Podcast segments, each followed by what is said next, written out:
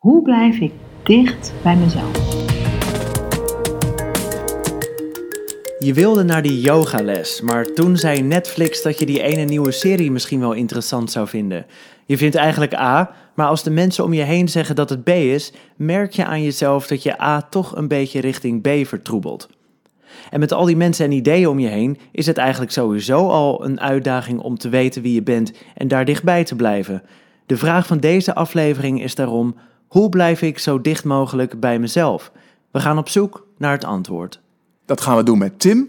Dat gaan we doen met Ruben. Dat gaan we doen met een expert, ex-spuiten en slikker en videospecialist Zaraida Groenhart. En dat gaan we doen met een ervaringsdeskundige, Brandy Batenburg, die vastliep door een belofte die ze maakte aan haar familie in het buitenland. Laat de norm geen uitgangspunt zijn voor je eigen keuzes. En laat je het zicht op jouw idealen niet ontnemen door de waan van de dag. Ontwerp je leven zoals jij dat wilt leven. Wij, Ruben Klerks en Tim Daalderop, gaan in onze podcast samen met experts en ervaringsdeskundigen op zoek naar de antwoorden op de belangrijkste hoe-vragen rond het ontwerpen van je ideale leven. Hoe geef ik richting aan mijn leven? Hoe kan ik beter keuzes maken en prioriteren? Hoe verzamel ik de juiste mensen om me heen? De Lifestyle Design Podcast. Leef zoals je wilt. Voordat we beginnen, abonneer je via jouw favoriete podcastkanaal, Spotify, Apple Podcasts, Google Podcasts of Stitcher op de Lifestyle Design Podcast. Dan verschijnen al onze afleveringen automatisch in je podcastfeed. Die afleveringen worden mogelijk gemaakt door onszelf en door onze fans die ons supporten met een paar euro per maand via patreon.com. Wil jij ook onze podcast supporten door Patreon te worden? Ga dan naar patreon.com slash lifestyle design podcast. Om antwoord te kunnen geven op de vraag hoe je zo dicht mogelijk bij jezelf kunt blijven, hebben we wat vooronderzoek gedaan. Een van de dingen die daaruit naar voren kwam, uh, is dat uh, dicht bij jezelf blijven vaak gaat over authenticiteit. En authenticiteit zorgt ervoor dat mensen je aardig vinden of in een zakelijke setting uh, dat ze zaken met je willen doen. En wat daar interessant in is, vind ik, is dat ehm, mensen al gauw een eerste indruk vormen. En die eerste indruk wordt bijvoorbeeld over een bedrijf al binnen zeven seconden gevormd. En als je kijkt naar uh, de eerste indruk over een persoon, wordt die zelfs al binnen één seconde gevormd. Dus het duurt maar één seconde voordat iemand een eerste indruk uh, heeft over jou. Dus als het gaat over dicht bij jezelf blijven, die ander heeft al een beeld van jou. Um, en die mening en de invloed van anderen, die is vaak van groot effect op ons zelfbeeld. Er wordt vaak gezegd dat je niet naar uh, iedereen moet luisteren of je af moet sluiten voor te veel invloeden van buitenaf. maar dan ben ik wel benieuwd naar hoe weet je nou naar wie je wel en niet moet luisteren? Uh, en wat betekent dan kiezen voor jezelf? Dus het klinkt misschien wat vaag, uh, trouw blijven aan jezelf, of kiezen voor jezelf, of dicht bij jezelf blijven. Dus ik wilde graag weten van wat wordt daar dan precies mee bedoeld? Um, nou, het betekent in ieder geval jezelf accepteren zoals je bent. Uh, en niet proberen een andere keuze te maken dan diegene die het beste bij jou past. Um, en uh, twee, het betekent uh, niet een fundamenteel andere persoonlijkheid willen zijn of uh, kiezen voor wat een ander van jou verwacht. En drie, trouw blijven aan jezelf houdt in dat je kiest voor wat jou gelukkig maakt en wat het beste aanvoelt voor jou als persoon. En als vierde, kiezen voor jezelf zorgt ervoor dat je jouw eigen behoeften en voorkeuren volgt en die niet laat afhangen van anderen. Dat maakt het mooi concreet. Ja, toch? Ja. Want dat is een vraag waar veel mensen denk ik wel mee bezig zijn. Wat is authenticiteit nou eigenlijk? Want het is wel... Het is bijna een vies woord. Het is, merk het zo. is sowieso echt een heel ranzig woord geworden, vind ik inderdaad. Maar het blijft wel een heel belangrijk uh, fenomeen. Ja. Um, het, is, het, het maakt de magic. Ja. Ja, en ik denk dat het goed is om uh, hier ook nog in mee te nemen dat als je, je hebt het over authenticiteit, maar wat er ook nog bij komt kijken, wat, dat eerste beeld of het beeld wat andere mensen van jou hebben ook mede vormt, is de mate van congruentie. Dat is waar wij als mensen heel erg op gefocust zijn. Um, klopt het beeld wat ik van iemand heb gevormd keer op keer? Um, dus als jij de ene keer uh, heel relaxed reageert en de volgende keer heel gestrest, dan eh, gaat er een soort van alarmbelletje bij mensen af van hey, eh, de volgende keer dat je weer relaxed reageert, dan weet ik niet of jij wel echt relaxed bent, want ik heb gezien de vorige keer dat je ook heel gestrest kon Ja. eh, reageren Ja. op Ja. deze vraag. Dus als, als jij jezelf bent en dicht bij jezelf bent, dan zou je dus ook congruent eh, handelen en reageren in Ja. verschillende situaties. Met wel een belangrijke kanttekening, vind ik. Want als je weet dat je al binnen één seconde een indruk hebt van iemand, Ja. dat het nogal logisch is dat als je die persoon na die eerste seconde nog eens even goed bekijkt, of eh, de keer daarop nog even goed bekijkt, dat de kans groot is dat het beeld dat je dan krijgt van iemand niet overeenkomt met dat zeer beperkte beeld dat je in die eerste seconde had gevormd. Nee, klopt. Nou, wat ze, wat, ze, wat ze daarover zeggen is dat we eigenlijk dat ons brein onbewust op zoek gaat naar onze eigen eh, bevestigingen. Eh, dus dat, dat eerste beeld wat is gevormd staat niet vast. Dat kan best wel veranderen. Maar het maakt het makkelijker voor mensen om eh, die bevestiging te vinden. Dus als, als, als jouw eerste indruk over iemand is dat hij heel relaxed is en dat hij de tijd neemt voor andere mensen, dan ga jij onbewust daarna allemaal signalen zien dat die, dat die persoon inderdaad relaxed is en dat hij de tijd neemt. Ehm, stel nou dat je eh, dat die persoon wel echt relaxed is en de tijd neemt voor mensen, maar dat jij een andere eer- eerste indruk hebt ge- gehad, dan duurt het dus langer voordat je de bevestiging hebt ge- gezien van dat hij eigenlijk wel relaxed is. Maar Ja. zou je dus ook misschien wel in het begin signalen zien die eh, dus dat tegendeel be- be- bevestigen, omdat jij dat eenmaal in, in, je, in je hoofd hebt. Ja, ja, ja, dat duurt heel lang voordat je je beeld echt hebt bijgesteld. Als iemand keuzes maakt op het gebied van lifestyle design of zich anders gaat gedragen als gevolg van die keuzes, dan duurt het echt al een hele tijd voordat je die persoon ook echt zo gaat zien. Ja, Daar heb je moeite mee. ja. Ja, Ja, en wat ik nog wel interessant hierin vind, is als we het hebben over dicht bij jezelf blijven, dan als het gaat over authenticiteit, dan eigenlijk hebben we het al gelijk weer over hoe andere mensen tegen jou aankijken. Dus die eerste indruk gaat ook weer over hoe, hoe anderen tegen jou aankijken. Maar zou je ook dicht bij jezelf kunnen blijven zonder eh, je daar druk over te maken? Of,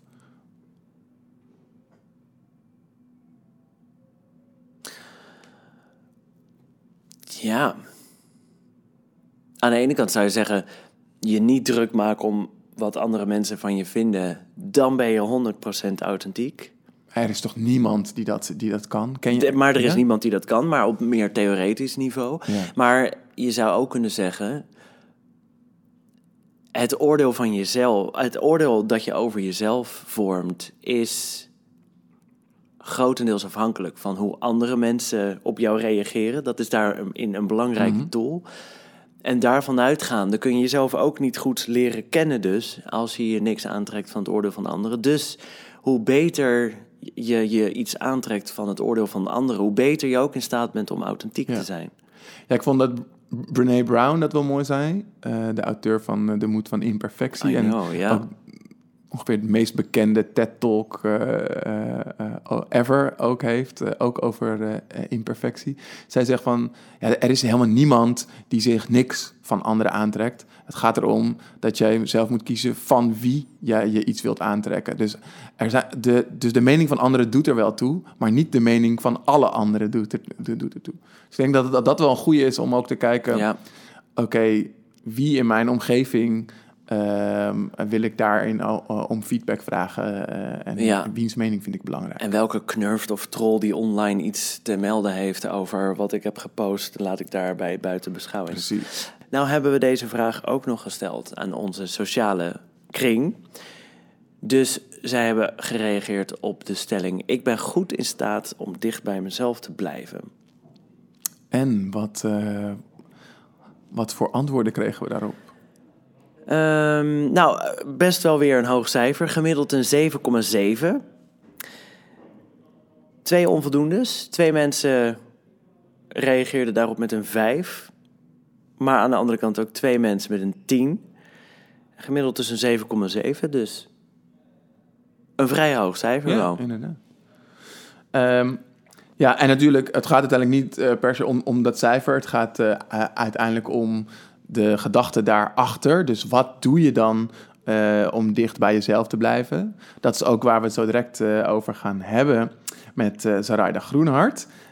maar voordat we daar naartoe overgaan, um, willen we graag nog een toffe boekentip en een toffe filmtip met je delen. Ja, dat is um, Verslaafd aan Liefde van Jan Geurts. Een oud boek want het komt uit uh, de jaren, nou, uh, nul, ergens rond de jaren 70 of 80 lang geleden. Maar dit soort kennis is natuurlijk vaak niet afhankelijk van de tijd uh, waarin het geschreven is. Het zijn, denk ik, tijdloze inzichten wel. heel waardevol boek als je. Um, je minder wilt aantrekken van andere mensen of je slimmer iets wil aantrekken van andere mensen. Maar vooral als je helemaal oké wilt zijn met wie je bent in de kern. En dat dat het allerbelangrijkste is in, uh, in hoe je naar jezelf kijkt. Mooie tools als je wilt uh, werken aan je authenticiteit. Ja, en uh, Jan Geurts natuurlijk ook een oud gast van uh, de Lifestyle Design podcast. In het eerste seizoen uh, hebben we hem ook uh, ge geïnterviewd. Toen ging ja. het over opvoeding. Ja. maar dit, dit boek, Verslaafd aan Liefde, is ook zeker een aanrader. En we wilden je ook nog een filmtip geven. dit is een film die in ieder geval op Netflix draait, maar volgens mij kan je hem ook op meerdere plekken vinden. Moonlight. Moonlight gaat over um, een jonge Afro-Amerikaan die opgroeit in de ghetto uh, of in een ghetto in Amerika en strubbelt met uh, zijn geaardheid en uh, hoe die die al dan niet kan uiten in, in een ja, best wel gewelddadige en moeilijke omgeving. het is echt een super mooie, langzame film die heel indringend is gefilmd. Moonlight.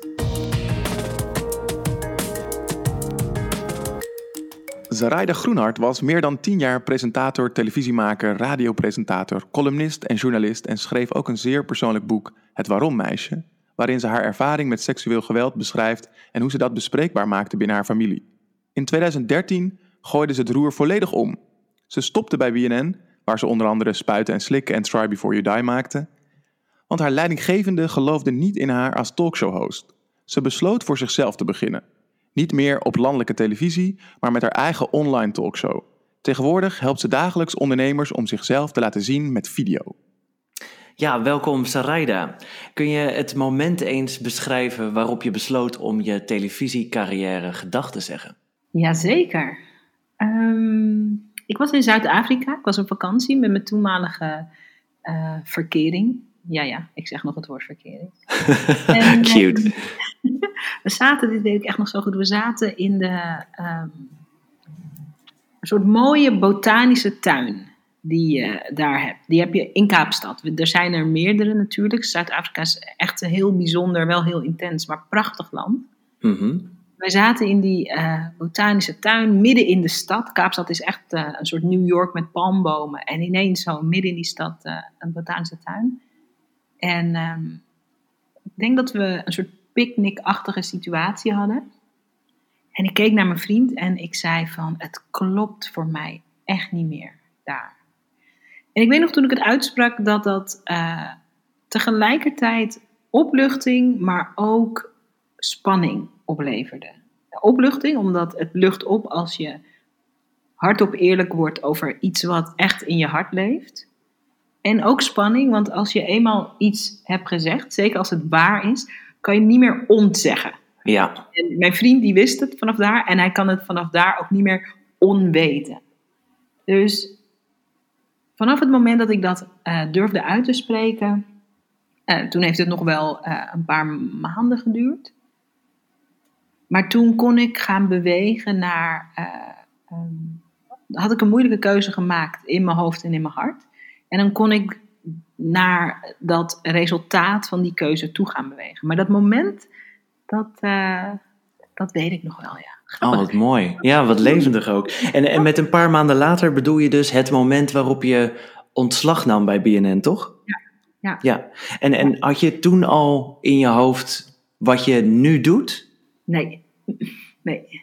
Ik wist alleen, uh, ik um, was jaren daarvoor uh, begonnen bij de tv. Uh, ik heb niet een sexy verhaal van dat ik in de McDonald's een hamburger at en dat iemand zei: Hey, wil jij deze Ik geloof dat dat het verhaal is van uh, topmodel Giselle Bundchen. Die zat blijkbaar ergens een hamburger te eten. Toen zei iemand zag het in haar en zei: Hey, jij bent de ster. Wauw, en, en, en dat met een, terwijl je een hamburger eet. Meestal ziet dat er niet zo uit. blijkbaar zijn er mensen die daarmee ook topmodel kunnen worden. Maar voor mij was het anders. Ik um, las in de krant, en ik was toen een jaar of 22, dat eh, MTV een nieuwe zender zou beginnen voor jongeren uit de stad. En ik weet nog dat ik dat las. En dat ik dacht, oh my god, daar wil ik werken. En in plaats van gewoon een brief te sturen, sommige mensen doen dat, dacht ik, ik moet echt met iets komen. Dus ik was de straat op gegaan en ik had mensen, ik, ik zei tegen mensen op straat, hoi, ik werk bij de nieuwe zender van MTV. Ik had mezelf gewoon alvast aangenomen. En uh, zijn onderzoek aan het doen naar wat uh, denkt de doelgroep jongeren in de stad, jongeren zoals jij en ik, wat die willen zien. En ik was met dat plan, of met eigenlijk uh, het, het, uitwerken van alles wat ik had gehoord, daarmee was ik naar MTV gestapt. Zo van, ik wil graag voor jullie werken, ik ben gewoon alvast begonnen. Dus, en de reden dat ik het vertel is dat mij, dat was ook mijn droom. Het was mijn droom, ik ben toen aangenomen daar. Maar ik wilde praten met mensen en ik wilde de wereld in, ik wilde programma's maken en ik wilde dingen ontdekken. En dat kan heel goed bij de tv. En dat heb ik jaren gedaan. Eerst bij MTV, bij de dochterzender van MTV, The Box. Dat was die zender. Toen uh, bij BNN.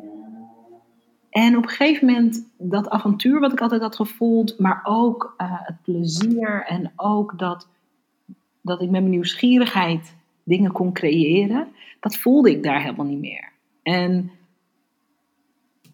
dat was best wel moeilijk om, om toe te geven aan mezelf. Want het is natuurlijk, uh, ja, het is natuurlijk een fijne baan. Ik had leuke collega's. Ik had wel uh, ik had een aantal verschillende leidinggevenden. Zoals dat gaat in die structuur. En ik had met één een heel moeizame, uh, hm. moeizaam contact, laat ik het zo netjes zeggen. Dat is die oude BNN-manager die niet geloofde in jou als talkshow-host. Nee, en dat is ook niet erg, want in principe hoeft niet iedereen in je te geloven. Alleen wat ik het allerleukst vond, daar zag hij geen match mee met wat de zender deed. En, ook, en hij zag het ook niet in mij, in alle eerlijkheid. En, en wat was dat dan? Waar geloofde jij in? Wat was dat wat, wat jij voor je zag? Nou, weet je wat het was? Ik, uh, ik werd ouder natuurlijk. En, en mijn eigen focus veranderde. Kan ik nu met terugwerkende kracht ook beter zeggen. Um, we maakten bij BNN, en dat was echt ook fantastisch om mee te maken, maar hele, toch hele spectaculaire programma's. En uh, ging over drugs, ging over seks. Uh, als je het geluk had, zoals ik dat had, dat je ook mocht reizen, dan ging je de wereld over. En dan gingen we naar, de, de, naar extreme dingen, extreme verhalen gingen we op zoek.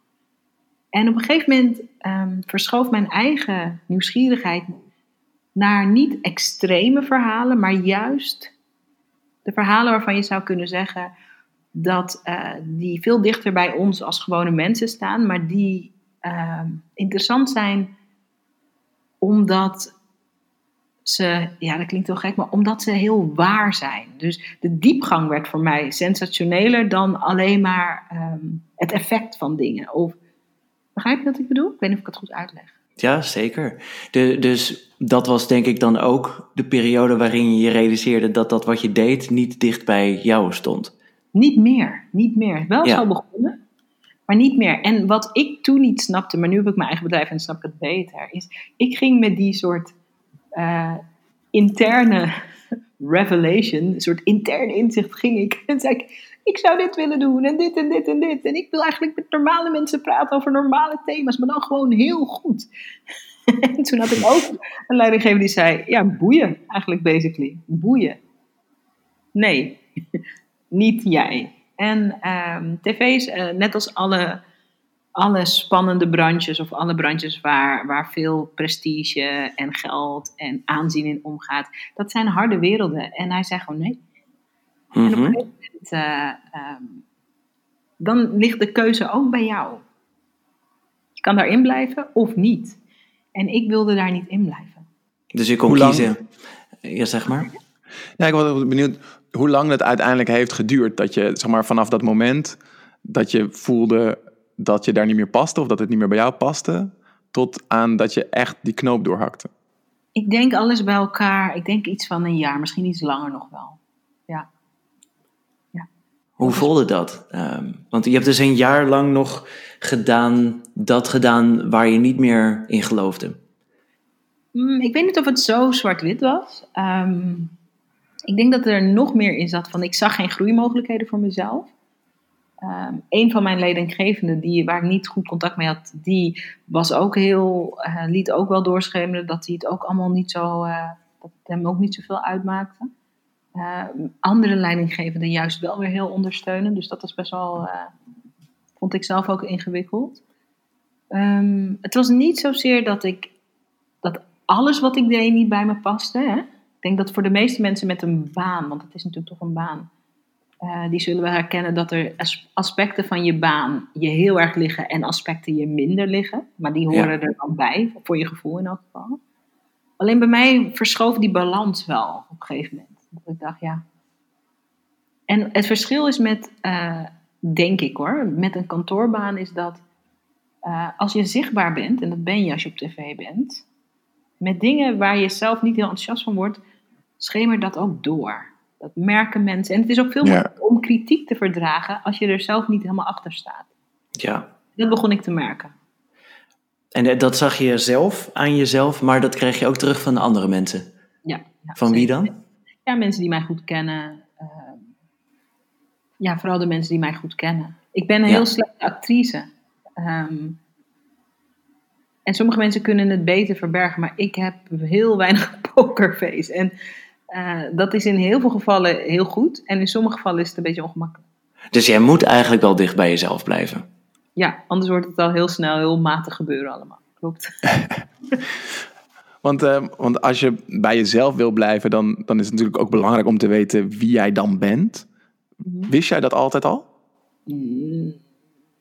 Ja en nee het is ook zo'n gek gegeven. Hè? Uh, je moet jezelf zijn. Ach, alle zelfhulpboeken en alle goeroes. En uh, dat is natuurlijk waar. Um, maar het is ook zo dat je ook constant verandert als mens. Soms sneller en meer en soms wat minder.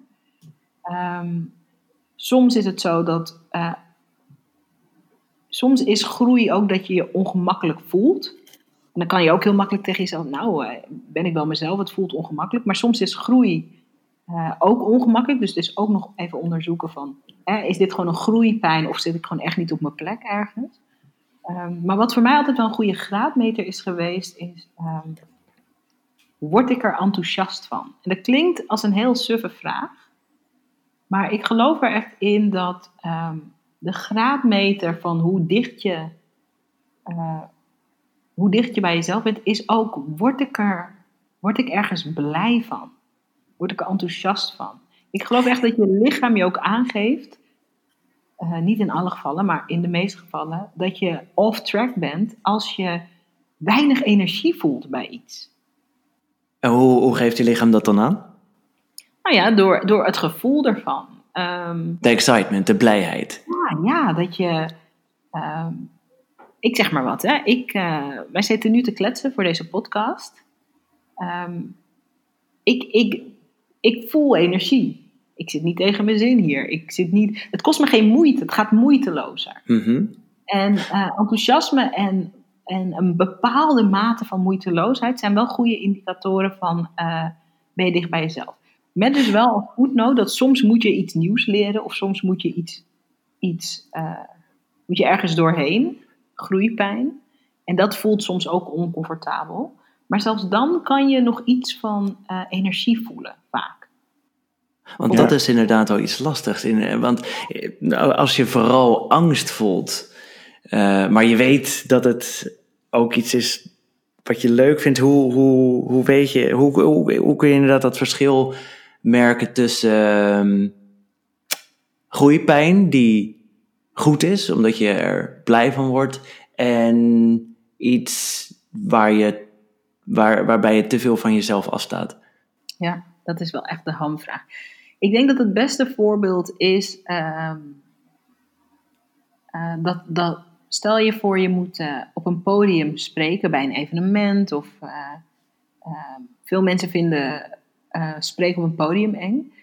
Ehm, als je dan in de coulissen staat met zo'n kloppend hart en ook met klotsende oksels, maar wel ook dat kloppende hart. En dat je je kan voorstellen dat als het achter de rug is, dat je trots bent op jezelf, dat je dan in de goede richting zit. Ehm, maar wat je ook soms hebt, soms moet je mee naar een familiefeest van iemand. I love family. Ik ben gek op mijn familie, maar je kent het wel dat je soms moet je, of soms moet je met je vriend of je vriendin mee. Of Een kringverjaardag, zeg maar. ja, zo'n kring. een kringverjaardag. Ja, Soms moet je met iemand van iemand met iemand mee naar een kringverjaardag. ja, het moment vlak voordat je zeg maar eh, moet aanbellen, dan voel je misschien ook zwetende oksels of ook een beetje zweet wat van je voorhoofd parelt. Maar dan voel je niet dat kloppende hart, maar dan voel je dat meh gevoel. Dat is dat, is- dat is dat moment waarop, waarop mijn vriendin altijd tegen mij zegt: Het wordt vast leuk. Ja, Dus als, ja. Op het moment dat iemand anders tegen jou moet gaan zeggen dat het leuk wordt, weet je dat Ja. het niet goed is. ja. Het zou heus best leuk kunnen worden.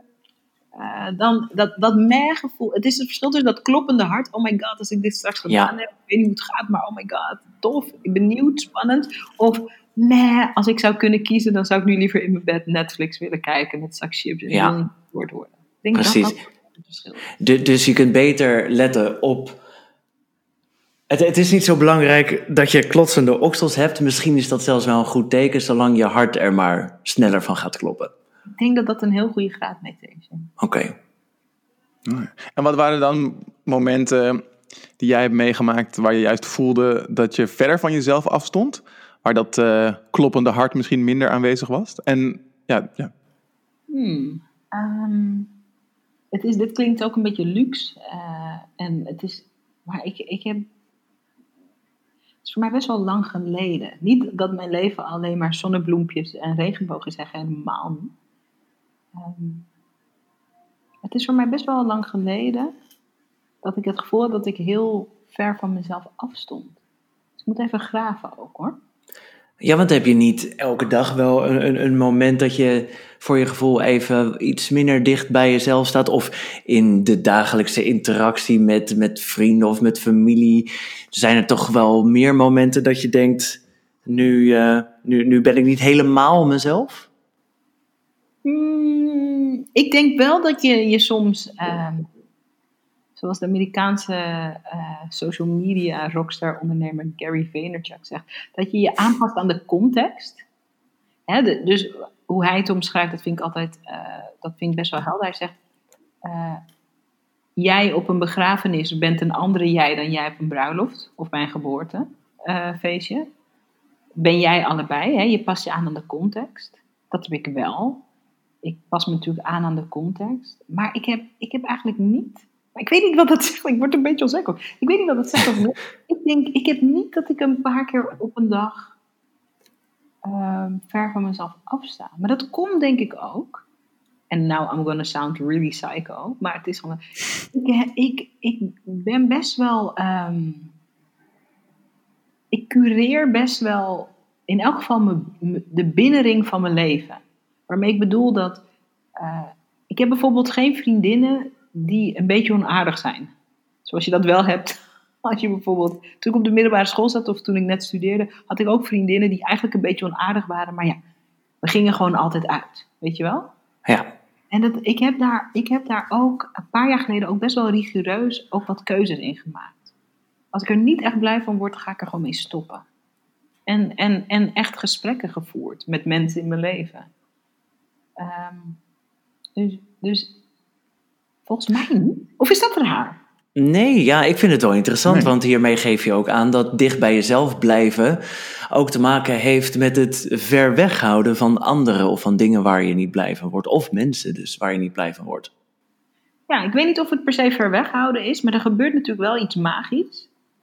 En iedereen kan dit oefenen. Dit is ook weer klotsende oksels, maar denk ook een kloppend hart. Hoe interessant is het als je die ene vriendin die altijd zo negatief is, of een ouder die altijd kritiek heeft, dat je gewoon eens gaat zitten met iemand dat je zegt: ehm, Jij doet dit, dit effect heeft het op mij. Je hoeft er niet mee te stoppen, maar als het zo blijft, zal het logische gevolg zijn dat ik je minder kom opzoeken. Dus dat je het gewoon bespreekbaar maakt. Heb je dat wel eens gedaan? Ja, zeker. Hoe, hoe ging dat? Zeker, de queen van de ongemakkelijke gesprekken. ja, ingewikkeld. En soms ook een opluchting. Soms Want ook. oh, de laatste keer dat je dat deed, hoe reageerde die persoon daarop? Kijk, oh wauw. Ja, zonder mijn hele leven over jullie podcast uit te braken. Ehm, met mijn geliefde heb ik wel zo'n gesprek gehad. En dat, dat, dat is... Je moet wel, kijk, het, is, het helpt als je mensen in je omgeving hebt die ook een beetje zelfreflectie hebben. Anders is het ingewikkeld. Maar ja, wat helpt is dat je met jezelf afspreekt dat je op zo'n eerlijke, maar ook... ehm, het hoeft niet gemeen, het hoeft niet kattig, maar het moet gewoon eerlijk. En dat je gewoon zegt, dit is, dit is wat ik beleef als dit gebeurt. Of dit is, En wat, wat, wat, wat, wat was het wat je tegen hem zei? oh god, somebody's gonna kill me. Heb je last van klotsende oksels? Ja, nu wel, ja. even, ik zit even na te denken. ehm, laat ik het zo zeggen. Ehm, mijn vriend en ik hebben een hele verschillende stijl van communicatie. Echt heel verschillend. Ik ben echt zo, hey, ik ben heel breedsprakig om maar eens te beginnen. En ik wil overal over kletsen, ik wil alles samen. En oh, en hoe voel jij je nou? Zijn natuurlijk niet alle mannen hebben daar de hele tijd heel veel zin in. Oh? Of, of, eh, of heb ik me dat laten aanleunen, jongens? Nee, nee, hebben wij ons ook wel laten aanleunen hoor, denk ik. Het schijnt zo te zijn. Ja. Nee, maar dan is het, het is heel interessant om te praten van, over. eh, hij is, en dat is ook iets wat ik wel fantastisch ook vind, zijn karakter. Hij Heel, heeft een heel heldere, hele frisse, maar ook hele logische kijk op dingen. Maar soms kan dat ook een beetje bot overkomen. Niet expres, maar soms kan het ook een beetje bot. En ik, op mijn beurt, ben natuurlijk zo'n soort. eh, ik sta met één been op aarde en één been in de lucht. En ik, hoe voelt het? En het universum en al dat soort dingen. En soms vindt, elkaar dat, soms vindt zich dat elkaar moeilijk. Is dat een zin? Soms vinden we elkaar niet helemaal daarin. En dan is het best interessant om te zeggen van... eh, jij bent echt mijn favorietste, lievelingste favoriet. Als je dat op zo'n manier zegt, dan voel ik dit. En dat, en dat je ook de ruimte geeft dat de ander kan zeggen van...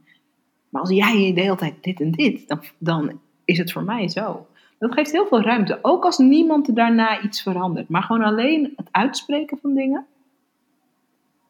Dat maakt ook dat je, ehm, als het ware alsof je hardop toestemming geeft aan jezelf. Om dus gewoon jezelf te zijn. En daar hoort ook bij dat je echt voelt wat je voelt. En dat je echt vindt wat je vindt. En dat werkt Ja. voor mij heel goed. Niet iedereen vindt het leuk. Nee. nee, mooi dat je zegt dat het dus ook gaat over dat hardop uitspreken. En dan deels dat het naar een ander is, maar ook voor een heel groot gedeelte dat je het naar jezelf eigenlijk dus echt maakt. Dat, wat je ook zei ehm, toen je in Zuid-Afrika was en dat je hardop uitsprak eh, dat je daar niet op je plek was. Dat je dat eigenlijk op een kleine manier dus ook doet naar de mensen om je, om je heen. Ja, ja. En het is, als je het zo zegt, eh, want in die gesprekken ontdek je natuurlijk zelf ook wel weer dingen. Dat is ook precies de kern van wat wij doen eh, in Video Business School. Wat eh, de kern is van mijn bedrijf. Dat gaat over zichtbaarheid, dat gaat over video. Maar het gaat eigenlijk ook over ditzelfde principe. Over dat ehm, als, je dan, als je zichtbaar bent, als je eh, marketing gaat doen voor je business, als je video's wil maken, doe het dan door hardop jezelf te zijn. Dat is de meest briljante marketingstrategie die je kan inzetten voor je En business. wa- wat bedoel je daar precies mee? Hard op jezelf zijn? Ja, ik zal even kijken of ik een goed voorbeeld kan. eh, ehm, een voorbeeld kan delen. Ik was het bedenken, maar ik wil natuurlijk delen. Ehm, om het echt even. Oké, ik geef een voorbeeld van een vriend van mij. Het is geen klant bij mij, maar hij zou hartstikke goed een klant bij mij kunnen zijn. Ehm, dat is een personal trainer en een coach. Fantastische, fantastische man. En getrouwd met een goede vriendin mij. Echt fantastische man. En die mensen vinden het leuk om met hem te coachen. eh, omdat hij heel positief is. Hij staat heel positief in het en hij is heel vrolijk, hij heeft veel energie. En ehm, hij doet ook social media en hij maakt ook video's. En eh, hij vertelt veel over die, eh, vanuit die positieve mindset. Maar wat bijna niemand weet is dat hij een mega interessante, belangrijke uh, achtergrond heeft. En dat hij naar Nederland is gekomen als vluchteling. En dat zijn familie, hoogopgeleide uh, familie, uh, hele heftige dingen heeft meegemaakt om hier in Nederland burger te kunnen worden. En dat zijn positiviteit voortkomt uit een leven waarin hij tegenslag heeft meegemaakt, waar de meeste mensen helemaal van ondersteboven zouden zijn, maar hij niet, omdat hij zo'n krachtige mindset heeft. Nu kan je op papier zeggen dat heeft toch niks te maken met personal training. Maar wat wij in Video Business School, en met wij bedoel ik ik en het team, waar we onze ondernemers in willen ondersteunen, is dat als je in gewoon wat er waar is, en dat is wat je vindt, wat je voelt, wat je hebt meegemaakt, wat je hebt geleerd, waar je in gelooft, waar je niet in gelooft. Ehm, als je dat meer stem geeft, dan geef je mensen veel meer kans om voor je te kiezen. Ik wil liever van iemand met zo'n mooie, diep gewortelde motivatie om positief te zijn, les krijgen van iemand, of dan, dan zomaar van iemand, als ik dan toch kan kiezen. En dat is ook hard op jezelf zijn. En mensen vinden dat ook heel spannend. Ja. Het is ook heel makkelijk om te zeggen, ja, maar dat gaat niet om mij. Het gaat om het product, het gaat om de dienst. Maar in de praktijk is dat helemaal niet zo. Mensen maken keuzes omdat ze iets voelen bij degene, tenzij je Coca-Cola bent, maar dat is een uitzondering, ander marketingbudget. Ja. Mensen kiezen ook voor het gevoel dat ze bij hebben. En ze kunnen een beter gevoel bij je ontwikkelen als jij iets eerlijker bent. Ja. Nou, volgens mij is het ook precies wat jij zegt, dat het voor heel veel mensen spannend is. Je zegt op jouw site ook dat je mensen helpt om ongegeneerd zichzelf te laten zijn. Maar wat kunnen we dan doen? Of wat zijn de belangrijkste dingen die je kunt doen om inderdaad ongegeneerd jezelf te zijn? Je over die gêne heen te zetten. Ja, oh my god, goede vraag. Weet je waarom ik word weer, oké, kloppend hard blij. Weet je waarom ik blij word van? Ja? Omdat, en ik ga ook zo echt het antwoord geven, maar kan je je voorstellen dat als je uh, meer jezelf bent. Laat ik het zo zeggen. Met ongegeneerd bedoel ik niet dat je geen geheimen hebt of dat je je leven over het internet uitbreidt. Dat bedoel ik niet. Maar als je iets meer jezelf bent, misschien 10% eerlijker over wat jou echt beweegt, wat je echt belangrijk vindt, um, hoe je echt kijkt naar je branche, hoe je echt, met hoeveel passie en liefde je echt je dienst of je product maakt of aan. Als je daar iets eerlijker over bent, ga je ook mensen aantrekken met dezelfde kernwaarden. En dat zijn de leukste klanten om mee te werken. Toen jij net aan mij vroeg van, heb je dat je nog vaak je moet aanpassen of dat je niet... Dat heb ik dus niet. Ik, ik werk elke dag met onze ondernemers samen. Maar dat zijn allemaal mensen die ook zijn aangehaakt op, op wie ik echt ben. Dus dat zijn ook echt mijn kernwaarden. Dus mijn klanten lijken ook op mij. Niet fysiek. Uh, maar in wat ze belangrijk vinden. In waar ze blij van worden. En dat maakt dat het moeiteloos wordt. Dus voor de mensen die thuis zitten te luisteren en denken van... oh my god, waarom, waarom? Omdat je daarmee investeert in veel meer plezier en moeiteloosheid... later op het pad. Ja, maar het is natuurlijk veel makkelijker om bij jezelf te blijven... als de mensen om jou heen daar al dichtbij staan. Omdat je daar al voor hebt gezorgd. Door jezelf te laten zien. Ja, maar het begint toch, dat is ook zo... maar dat creëer je ook zelf. Ja. Want toen ik uh, bij de tv werkte, was dat veel minder aan de hand. Maar ook omdat ik me veel minder uitsprak. Dus dat kon ook niet ontstaan. En ik zat daar ook, omdat ik dacht, ja. Ik zat daar ook in een soort, niet de hele tijd, maar ik zat daar ook in een soort van keurslijf. Een beetje wel. En er zijn ook heel veel presentatoren die dat niet hebben. Maar ik had dat toen wel. Ik kreeg heel veel informatie over. Het moet zo, het moet zo, het moet niet zo. Jij bent dit, je bent dit niet. En ik liet me dat gewoon aanleunen. En, um, en dan creëer je die. Het begint ermee dat je je gaat uitspreken.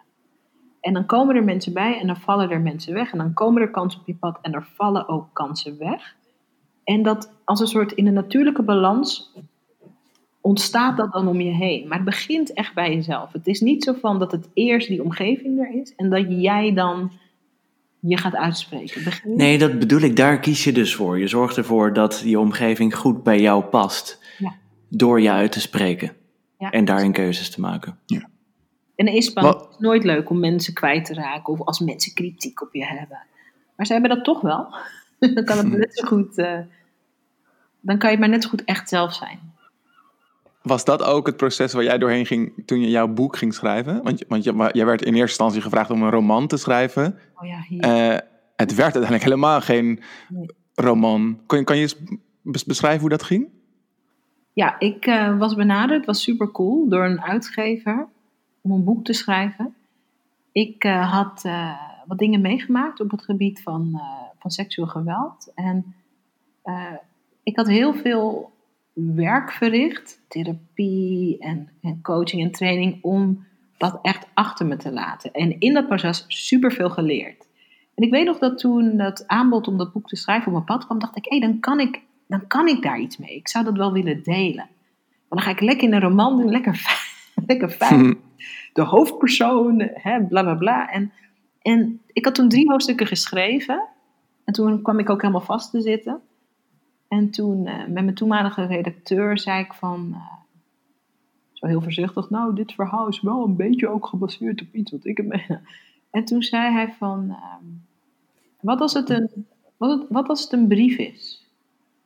Is er iemand aan wie je een brief wil schrijven? En toen kwam eigenlijk meteen heel helder voor me. En mijn vader leefde toen nog. En mijn vader was eh, echt mijn beste vriend toen hij nog leefde. En ik dacht, ik zou eigenlijk wel ehm, in, de, in de veiligheid van mijn eigen soort dagboekachtig... Het is geen dagboek hoor, maar in de veiligheid van mijn eigen schriftje... zou ik eigenlijk wel willen vertellen van wat er allemaal gebeurd is eh, in mij, met mij, sinds dit allemaal gebeurd is. Ik ben ook veranderd, sommige dingen Weet je wel? Eh, en Want hij wist op dat moment ook niet dat dat gebeurd was. Jawel, hij wist dat wel. Hij wist Oké. dat wel. Want ik had, eh, toen mij dat overkwam, had ik dat gedeeld met mijn ouders. Ehm, gelukkig heb ik ook zo'n band. Niet alle mensen hebben dat met hun ouders, maar ik wel. Maar kijk, het is net als. ehm, dat, ik denk dat iedereen dat eh, misschien ook wel herkent. Ook als je niet zoiets hebt meegemaakt. Ehm, als er iets heftigs in je leven gebeurt, heb je het erover, als je het er al over hebt. Maar op een gegeven moment laten we het natuurlijk ook allemaal weer.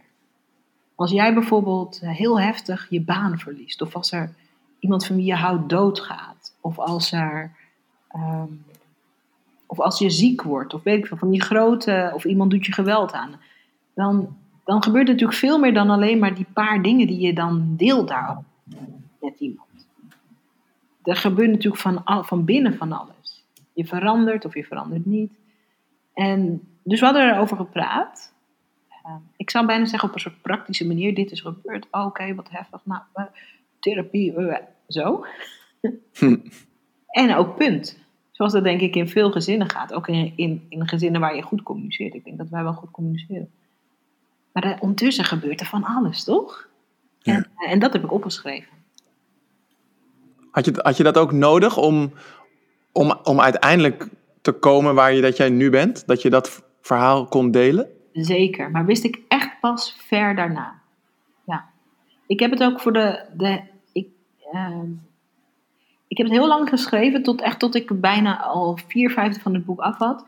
Met in, de, in, eh, in mijn achterhoofd de afspraak van: als ik het niet wil publiceren, hoeft het niet. Zo kon ik het afschrijven, omdat ik het zo spannend vond om over zo'n onderwerp te praten. Ja. En, en, en had dat ook voor jou te maken met het ongegeneerd jezelf zijn? Dat het schrijven van dat boek, het delen van dat verhaal?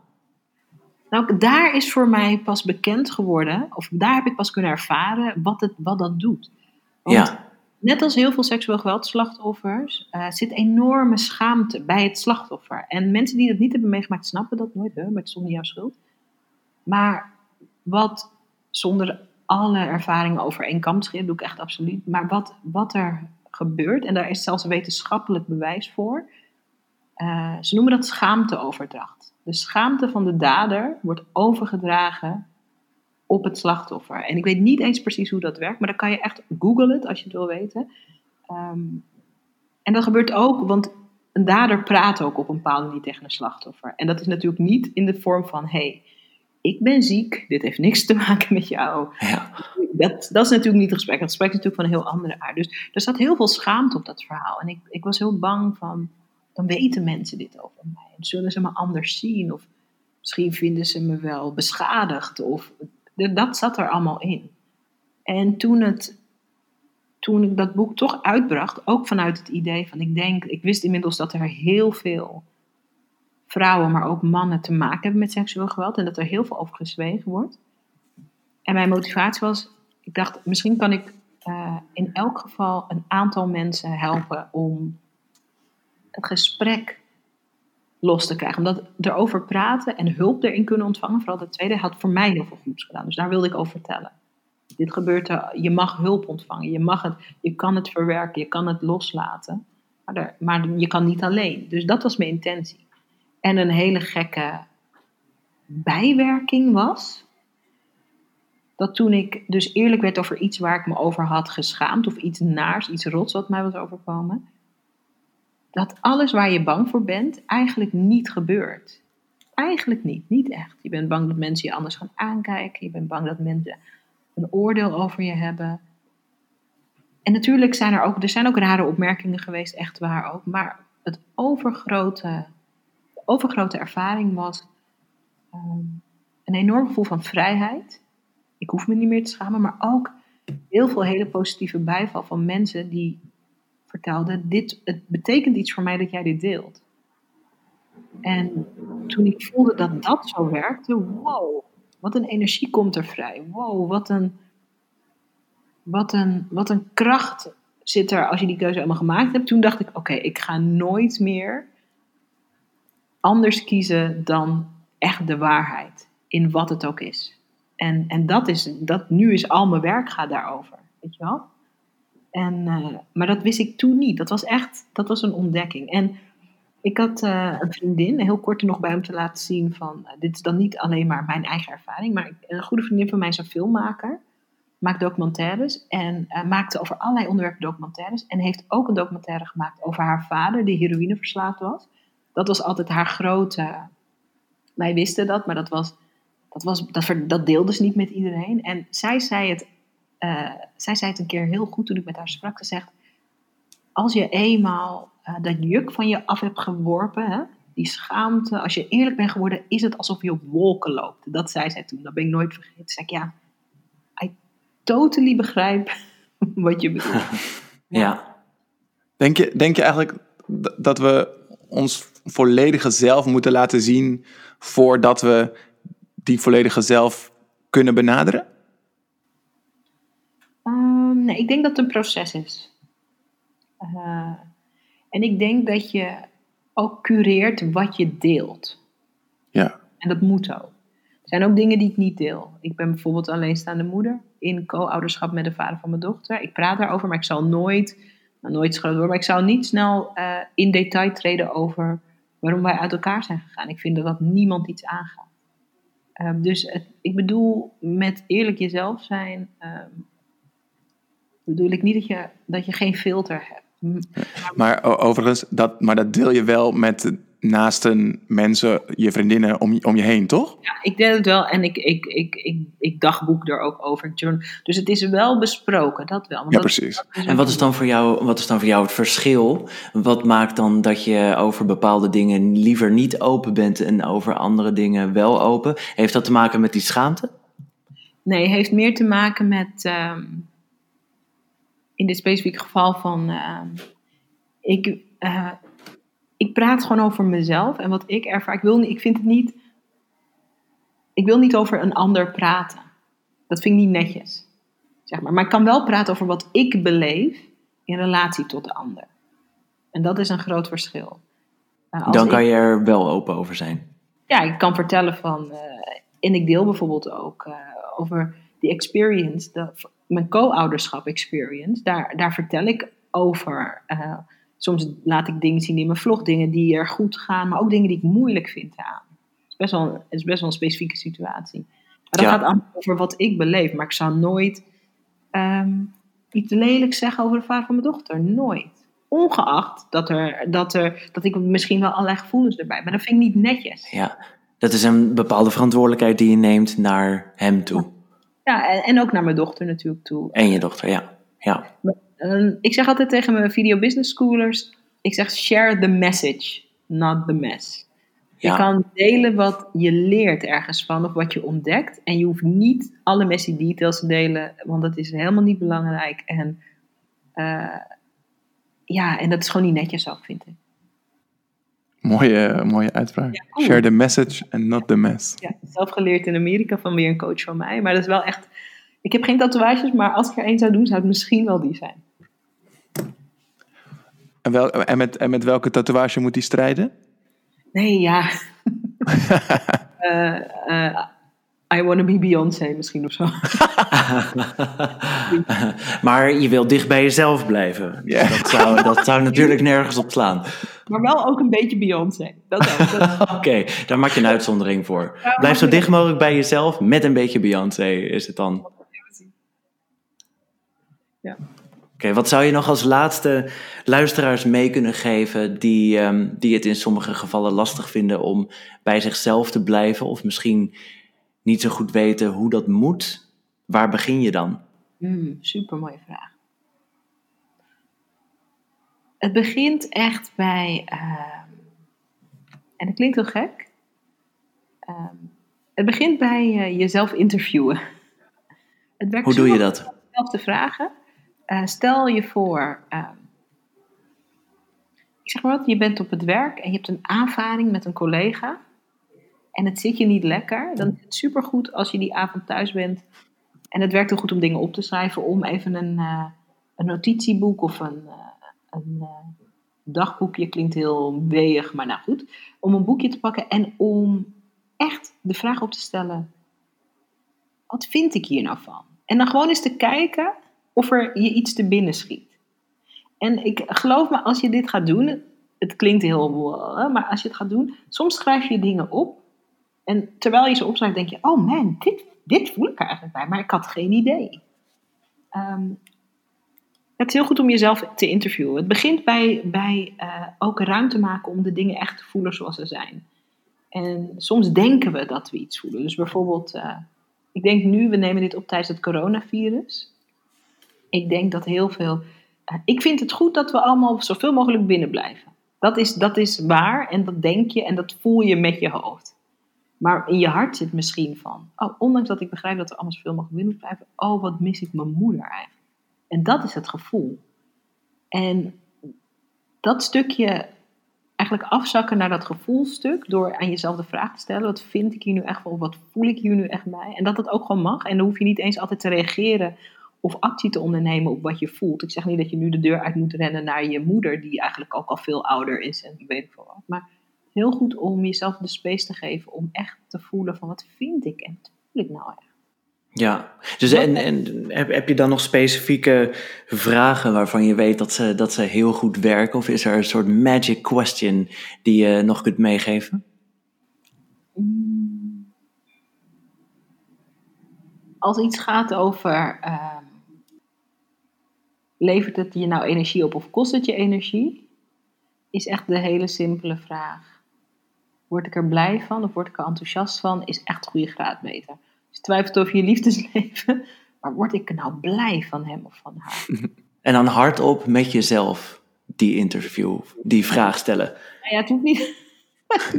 ik denk meteen aan Ellie McBeal. Weet je nog wel? Die serie uit de jaren. Ja. Nee, het hoeft niet hardop.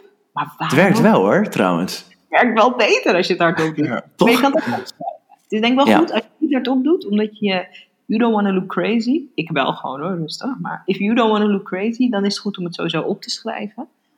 Ehm, het hoeft ook niet op een rare, samensweerige manier in de spiegel met een kaart. Hoeft ook niet, maar je kan gewoon aan jezelf. Word ik er nou blij van? Geeft het me nou energie? Ja, en schrijf dat op. Ja, ja. En onderneem daarna actie ook. Ja, hoeft niet altijd, hè. Soms is het nog te groot. Net als toen ik in die eh, botanische tuin zat. Ik zit niet meer op mijn plek. Ik ben toen niet als een kip zonder kop eruit ges- dat Maar gewoon dat, dat even voelen van dat is echt zo voor mij. En daarna heb ik het in een paar kleinere stapjes opgehakt. Dus je hoeft niet meteen in beweging te komen. Eh, maar het is wel een heel goed startpunt om eventueel, nu of straks, daarmee in beweging te komen. Ja. En om nog eventjes eh, op die situatie toen terug te komen. Als je nu terugdenkt aan die eh, oude manager bij BNN... die niet in jou als talkshow-host geloofde... en alle ontwikkeling die je daarna hebt doorgemaakt... Ja? nu je dichter bij jezelf staat... denk je dan dat die oude manager daardoor nu wel in jou zou geloven? Nee, maar als ik nu aan hem denk, voel ik echt, ik hoop dat hij het hoort. Ik ga nooit zijn naam zeggen, vind ik niet netjes, maar ik ben zo dankbaar voor hoe dat is gegaan. Met terugwerkende kracht. Um, ja, ben, je, ben je dankbaar voor de situatie of ben je hem dankbaar? Allebei. Als hij minder bot was, dan was ik niet weggegaan. Dat weet ik zeker. Uh, dus ik ben, en voor mij is het zo, ik zit nu, ik heb mijn eigen bedrijf, ik uh, doe wat ik echt leuk vind, er komen hele toffe projecten en plannen aan. En voor mijn gevoel, achteraf gezien, ben ik echt in een mooi moment, was in 2013, ben ik voor mezelf begonnen. Uh, dus ik ben super dankbaar hoe het gelopen is. En, en dat wil ik er echt ook bij zeggen, ik ben inmiddels natuurlijk zelf ook een directeur van een bedrijf. En ik zit in een leidinggevende positie. Ik zeg niet dat hij de directeur is, maar hij zat ook in een leidinggevende positie. En ik weet ook nu hoe zwaar dat is. En ik probeer me nu voor te stellen als ik een teamlid had die zei: uh, Ik wil het helemaal anders gaan doen. Alles wat belangrijk is voor dit bedrijf, dat vind ik minder belangrijk en ik wil het helemaal anders gaan doen. Dan zou je zelf ook afvragen: Word ik hier blij van? Misschien wel op de manier zoals hij reageert op mij. Dus ik heb ook veel meer compassie gekregen, omdat ik ook weet nu wat het is om de leider te zijn van een team. En dat is een heel uitdagende klus. En ehm, natuurlijk zijn er ook dingen van ik denk, oh, dat had hij ook beter kunnen doen of anders, maar ik ook. Dus ik kijk op die hele zaak terug, ehm, helemaal niet bitter. En eerder was dat, uh, toen ik net weg was, daar was ik nog boos op en boos. Nou, dat is echt helemaal niet meer zo. Maar echt, uh, ook wel met een bepaalde mildheid. Ik moet er nu ook nog wel om lachen. Dat ik denk van, goh, wat een tijd was dat allemaal. En uh, ook met veel mildheid. Iedereen doet het altijd zo goed als dat ze kunnen. En soms is dat shitty, maar iedereen doet zijn ja. best. Ja. En dankzij hem ben je dichter bij jezelf komen te staan dus. Daarom. Dit is mijn pad. En uh, ook zo, kijk, het is super makkelijk om de leuke mensen die je helpen en ondersteunen op je pad te zien als, nou, dat is een soort engel op mijn pad. Hè? Iemand die in je gelooft. Maar iemand die, die jou uitdaagt en die het moeilijk maakt en die jou dwingt om, om uh, beter te kijken naar jezelf op een negatieve manier, is ook zo, is, is gewoon is het de andere kant van datzelfde muntstuk. Dat is ook iemand. Zonder hem zou ik ook nu niet hier zitten kletsen met jullie. En, ja. en op het, ja, daar ben ik ook dankbaar voor op een bepaalde manier. Mooi. Dankjewel. Ja, dankjewel Zaraida. Elke aflevering hebben we een verhaal voor je. Een verhaal van iemand die iets bijzonders heeft meegemaakt en dat met ons, dus ook met jou, wil delen. Brandy Batenburg is een reislustige jonge vrouw van 26, die nadat ze enkele jaren geleden haar familie van moederskant in Liberia ontmoette, het doel stelde om haar neven en nichten ook een keer een prachtige reiservaring te geven. Wat er voor het waarmaken van die belofte nodig was en hoe drukkend die belofte werd, daar kwam Brandy op pijnlijke wijze achter. Mijn verhaal begint eigenlijk zes jaar geleden. Zes jaar geleden ging ik voor het eerst met mijn moeder naar Liberia. Mijn moeder is namelijk Liberiaanse. Zelf ben ik uh, half Nederlandse, half Liberiaanse. Dat was het moment voor mij waarop ik voor het eerst mijn uh, familie daar ging ontmoeten. Dat was ontzettend bijzonder, want ik had ze zelf nog nooit ontmoet. Uh, slechts een keer op foto's gezien. En ehm, ja, ik vloog daarheen samen met mijn moeder. Uh, ik was 21 jaar. En uh, op het moment dat ik daar aankwam, was het net alsof ik daar altijd al was geweest. Het was zo vreemd. Ik, uh, ik werd met open armen ontvangen. Um, iedereen begroette me alsof ze me altijd al kenden en alsof ik nooit weg was geweest. En, um, en ook toen begreep ik mijn moeder beter. Mijn moeder stuurde namelijk altijd geld naar Liberia. Terwijl we het eigenlijk zelf helemaal niet breed hadden. Uh, mijn vader heeft jarenlang een eigen bedrijf gehad, uh, maar is uh, rond het jaar 2000 failliet gegaan. En dat betekende dat wij weinig hadden. hij had torenhoge schulden en dat betekende dat ook wij eigenlijk helemaal, ja, helemaal niet veel hadden. Um, en voor mij betekende dat vroeger ook dat ik geen, ik had geen kleedgeld, ik had geen, ja, ik kon niet allerlei games of, of dingen kopen, kleding kopen, schoenen kopen. Zoals iedere tiener dat deed. Dat, uh, dat kon niet. Maar toch, uh, mijn moeder heeft altijd geld opzij gezet om naar Liberia te sturen. En dat, na mijn reis daar naartoe begreep ik dat. Ik was daar maar twee weken. En ehm, ja, zoals ik al zei, een warm bad. Ondanks dat daar niet veel, veel was. er is, ze wonen in de hoofdstad, Monrovia. En ehm, ze wonen op Mamba Point. En de naam zegt het al en doet al misschien wat vermoeden. het, is de, het is eigenlijk een grote heuvel waar vroeger altijd veel slangen waren. Dus de mamba's. En ehm, ja, daar woonde, mijn familie woont daar in één soort, ja, één soort bungalow. Zo kun je het zien. Ehm, de meeste kamers zijn uh, heel donker. Um, ze zijn wel afgesloten. Um, alleen de woonkamers hebben wel golfplatendaken. Dus daar, de, ja, dat vond ik dan weer heel leuk. Als ik daar in de woonkamer zat, dan zag je de, de gekko's en, en de hagedisjes naar binnen kruipen. En dat betekende ook dat ook de slangen naar binnen konden kruipen. Want die zijn er ook nog steeds. Um, er was een slang die achter een muisje aanging. Uh, achter, en, en ja, zo heel mooi. En uh, nou ja, toch wel een, de, de schrik van onze leven bezorgde. Omdat we plots gegil hoorden in de achterkeuken. En we met z'n allen het huis uit moesten. Omdat er een slang bleek te zijn. Maar uh, ja, ik was daar en het was een ontzettend mooie ervaring. Uh, ja, uh, water halen uit de waterput. Ehm, er was geen stromend water. Eh, er was de helft van de dag geen elektriciteit. En toch heb ik daar genoten met mijn familie. Ik heb ze leren kennen. Ik heb met mijn neven en nichten van mijn leeftijd heb ik ja, toch wel een hele bijzondere band opgebouwd.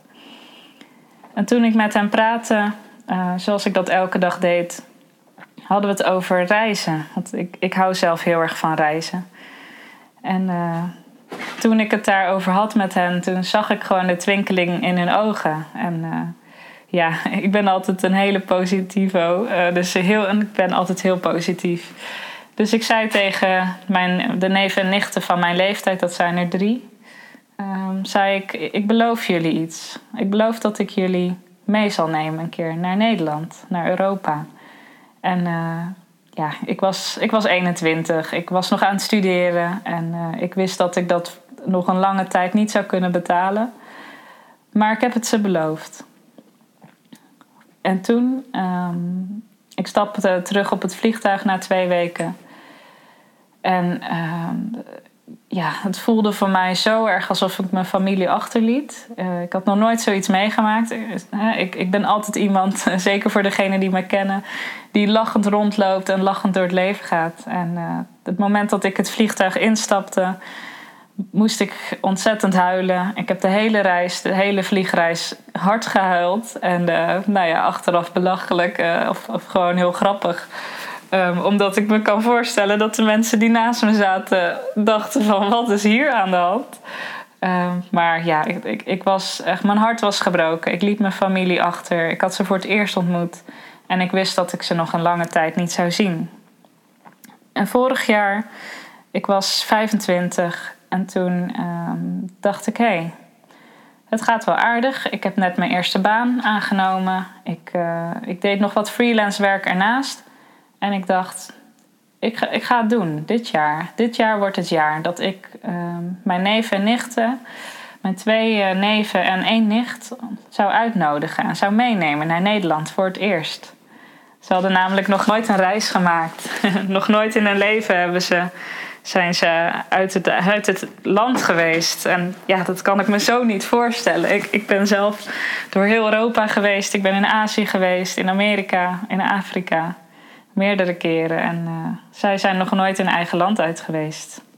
En daarom wilde ik ze dat heel erg graag geven. Dus vorig jaar bedacht ik me: oké, ik ga er alles aan doen om hen dat te geven. Nou, toen ben ik gaan rondkijken. Ik uh, ben in 2016 was ik al begonnen met uh, wat freelance werk. Ik gaf LinkedIn training, voor, toen nog vooral aan studenten. En vorig jaar dacht ik, ja, ik ga een freelance opdracht aannemen, vast in de week. Dus ik ben keihard gaan zoeken. En ik vond een freelance opdracht als communicatieadviseur voor twee dagen in de week. En voor een aardig tarief kon ik aan de slag. En uh, ja, wist ik van, nou, dit, dit gaat hem worden. Dus ik heb mijn belofte. Uh, ik heb nogmaals mijn neef en nicht laten weten: dit jaar gaat het lukken. We gaan ervoor. En ik heb daar keihard voor gewerkt. En uh, wat er tegelijkertijd gebeurde was, nou, ik heb nog steeds heel erg die drang om te reizen. Dus ik ben ook naast die freelance baan ben ik uh, overgestapt van mijn loondienstbaan bij een projectmanagementbureau naar ben ik overgestapt naar een online marketingbureau. En um, ja, dat zorgde ervoor dat ik ineens best wel veel op mijn bordje kreeg. Um, ik moest wennen aan een nieuwe baan in loondienst. En tegelijkertijd moest ik wennen aan een nieuwe freelance opdracht. Um, waar ik ja, toch wel een hele grote verantwoordelijkheid voelde uh, om het te laten lukken. Want ik wilde mijn neven en nichten, en nicht kosten wat het kost niet teleurstellen natuurlijk. Ik wist hoe belangrijk en hoe mooi het zou zijn voor hen om zo'n zo'n onvergetelijke ervaring te, mee te maken. En um, nou ja, daar is eigenlijk waar het misging. Um, ik, heb me, ik heb ontzettend hard gewerkt. Ik heb zo hard gewerkt dat ik ja, tegen een burn-out aankwam te zitten. En dat had ik zelf helemaal niet door. Um, ik, ik wist dat ik was heel onrustig en ik was heel gehaast en gestrest. Maar ik wist dat het het waard zou zijn. En daarom ben ik doorgegaan. Tot op één dag. En dat was de dag waarop ik wakker werd uh, naar mijn freelance opdracht wilde gaan.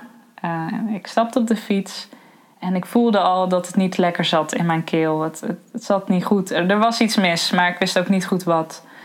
Ik stapte op de fiets en ik kwam aan bij mijn opdracht. En ik, net voor de deur barstte ik volledig in tranen uit. En uh, ik wist niet wat me overkwam. Ik kon, ik kon niet stoppen. Ik kon niet stoppen met huilen. Ik was in paniek.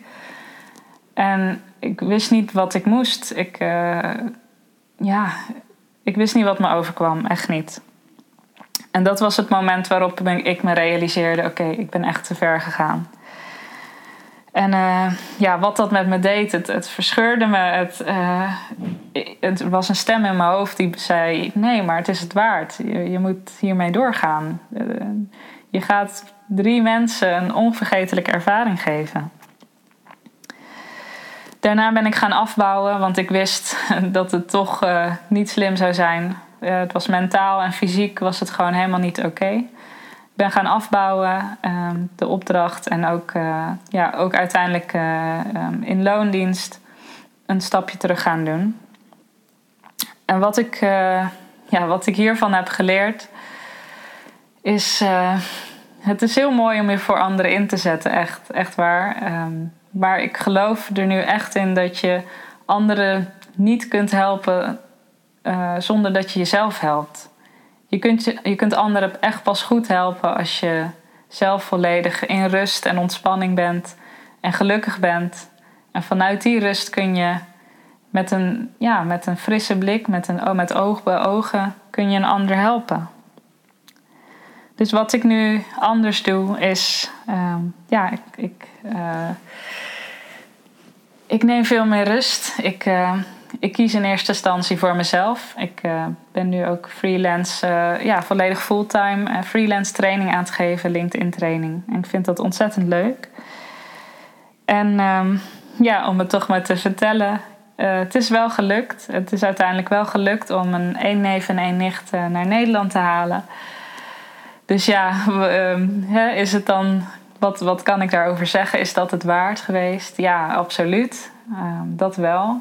Maar ik zou het achteraf, ik zou het de volgende keer zeker anders doen. Um, en de volgende keer, die komt ook al wel weer. Ik wil nog steeds een van mijn neven uh, uh, hier naartoe halen.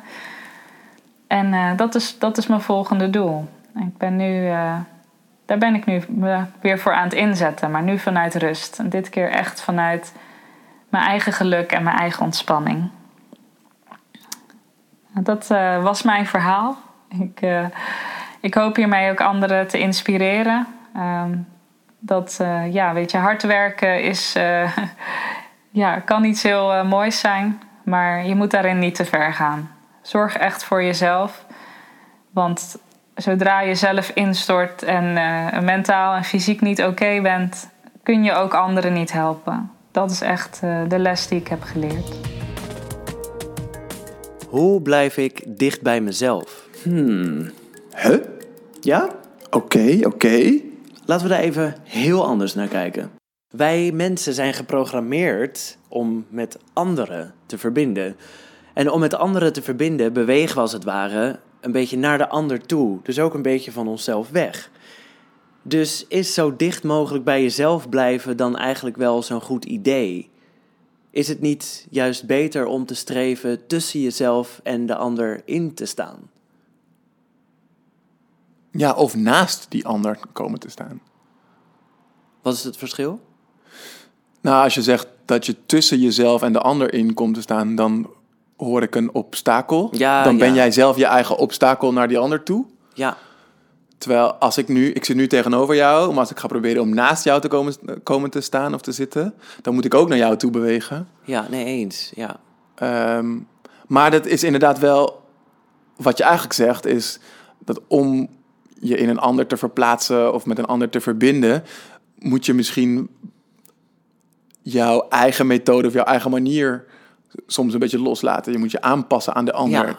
En je hoeft niet een total slat van je eigen principes te zijn, maar je kunt best wel eventjes iets flexibeler meebewegen en niet continu in de gaten houden wat je zelf van vindt of wat je zelf het liefst doet. Of... Ja, ik denk dat het super krachtig is als je, als je deze vaardigheid beheerst. Dat je je goed kan verplaatsen in anderen. En dat je, eh, dat je juist inderdaad naast die ander kan komen staan. Dat je met diegene kan verbinden.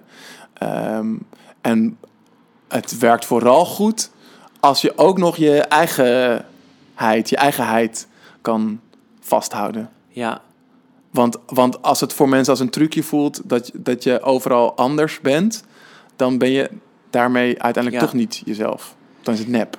Nee, precies. En om met die ander te verbinden, heeft die ander ook wel een stukje van jou nodig.